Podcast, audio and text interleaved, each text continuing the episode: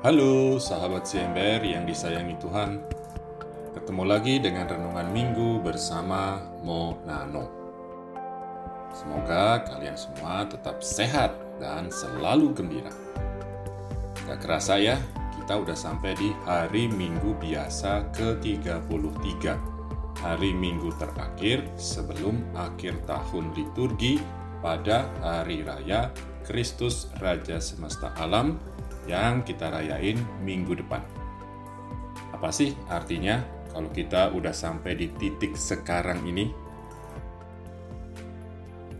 Hai kamu hamba yang jahat dan malas. Sudahlah seharusnya uangku itu kau berikan kepada orang yang menjalankan uang, supaya sekembaliku aku menerimanya serta dengan bunganya. Teman-teman yang dikasihi Tuhan, masih ingat gak cerita Injil waktu ada seorang pemuda datang ke Yesus dan nanya apa yang harus dia lakukan untuk masuk ke hidup yang kekal? Waktu itu Yesus menjawab dengan cara ngingetin soal sepuluh perintah Allah. Dan pemuda itu bilang kalau dia udah lakuin semuanya.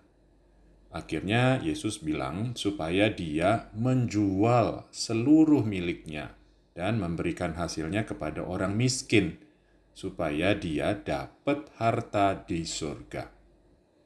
Masih inget dong apa yang terjadi?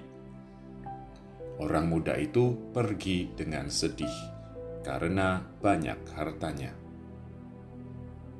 Teman-teman terkasih dalam Kristus, menurut saya itu contoh orang yang sejenis dengan hamba yang ketiga yang punya pandangan yang keliru tentang Allah dan menyembunyikan talentanya di dalam tanah. Orang muda itu mengira beriman berarti semata melakukan perintah Tuhan aja. Waktu diminta melakukan yang lebih dari perintah yang tertulis, dia mundur teratur. Dan pandangan ini sangat mirip dengan pandangan orang Farisi dan ahli Taurat yang dimaksudkan Yesus dengan hamba ketiga itu mereka memandang Allah sebagai pemberi hukum yang setiap saat bisa murka dan menghukum jika hukum itu tidak dilaksanakan. Karena itu, mereka hidup menurut hukum itu, bahkan menjaga hukum itu bagaikan memasang pagar di sekelilingnya, supaya hukum itu tetap seperti apa adanya. Manterman kekasih Allah bukan berarti hidup menurut hukum itu salah. Dua orang hamba dipuji oleh tuannya karena menjalankan uangnya menurut kemampuan dan jumlah talenta yang dipercayakan kepadanya. Dan yang dipuji bukanlah hasilnya, melainkan perbuatannya. Baik sekali perbuatanmu itu, hai hambaku yang baik dan setia Talenta kiranya melambangkan karunia iman. Dengan ini, Yesus mau mengajarkan bahwa beriman berarti lebih dari sekadar melakukan perintah atau hukum.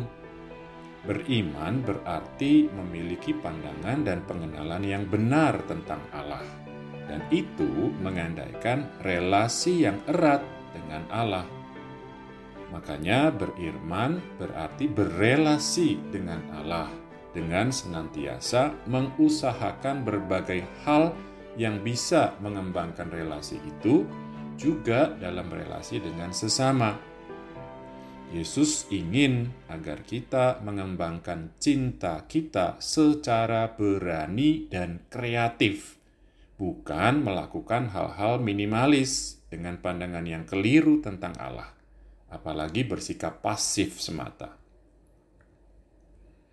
Teman-teman yang terberkati, saya nggak yakin bisa kasih contoh untuk kalian gimana caranya yang berani dan kreatif untuk mengembangkan iman, mengembangkan relasi dengan Allah.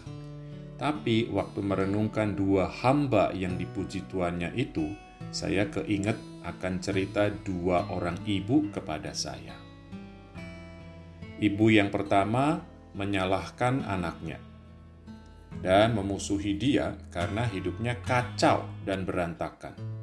disekolahin ke luar negeri dengan banyak harapan ditaruh di pundaknya, eh yang terjadi bukan keberhasilan, melainkan kegagalan, plus kecanduan narkoba.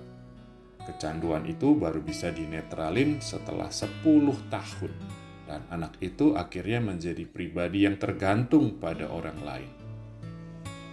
Dengan proses jatuh bangun, menyalahkan, membenci dan memusuhi akhirnya berubah menjadi menerima, memahami, dan memaafkan yang menyertai kesadaran dan pengakuan akan kesalahan-kesalahannya sendiri. Ibu yang kedua mendapati suaminya berselingkuh dengan perempuan lain. Seperti setiap orang lain, dia marah dan terluka, ingin membalas dan melukai, melabrak dan menghancurkan. Bedanya dengan orang lain, ia lebih ingin sembuh dari lukanya daripada melukai orang lain. Dia lebih ingat kata-kata Yesus untuk mengasihi daripada luka dan rasa sakit pada lukanya itu. Juga bukan tanpa perjuangan, bahkan dengan isak dan air mata, dia memilih untuk berusaha sembuh. Dia memaafkan suaminya dan merangkulnya lagi untuk berjuang lagi bersama-sama memperbaiki keadaan. Gak cuma itu, dia juga maafin perempuan lain itu bahkan membuka hatinya untuk mau mengetahui lebih banyak tentang perempuan itu dan mengenalnya lebih dekat. Teman-teman kawanan yang dicintai Tuhan. Tuhan memberikan kepada kita talenta, karunia iman. Meski dia memberinya dengan cuma-cuma, dia mengharapkan agar pemberiannya itu tidak sia-sia melainkan memberikan hasil, menghasilkan buah. Dan untuk mencapai hasil atau buah itu, enggak bisa enggak, harus ada usaha-usaha yang dilakukan untuk mengembangkannya. Kita enggak bisa mengharapkan hasil atau buah tanpa usaha dan kerja keras usaha-usaha kita nggak bisa sebatas pelaksanaan hukum atau perintah tertulis aja tanpa ada semangat atau pemahaman yang benar. Usaha-usaha kita nggak bisa hanya sebatas ritual-ritual liturgis atau laku devosional semata tanpa ada perubahan yang berarti dalam relasi kita dengan Tuhan dan keberanian serta kerelaan kita untuk melakukan kehendaknya serta menyerahkan dan menggantungkan hidup kita padanya. Gak cukup juga usaha kita sebatas penambahan pengetahuan lewat berbagai pengajaran atau webinar tanpa ada perbaikan yang nyata dalam relasi kita dengan sesama. Man-teman umat yang dipilih Allah. Mari kita lihat beberapa poin permenungan kita minggu ini. Pertama, Tuhan menganugerahkan iman dan Ia mengharapkan iman kita menghasilkan buah. Maka bisa dikatakan lebih dari buahnya, Ia mengharapkan ada usaha yang kita lakuin untuk mengembangkan karunia iman itu. No usaha, no hasil. Bahkan no pain, no gain. Kedua, usaha kita nggak bisa semata formalitas, apalagi dipenuhi kemalasan. Diperlukan hati dan cinta yang sungguh mengharapkan relasi yang lebih baik dengan Tuhan dan sesama. Manterman umat yang dipilih Allah fakta bahwa gereja memilihkan kisah Injil ini bagi kita pada hari Minggu biasa ke-33, satu minggu sebelum akhir tahun liturgi gereja, kiranya ngingetin juga ke kita akan akhir hidup kita, bahkan akhir dunia ini yang pasti akan datang pada waktunya.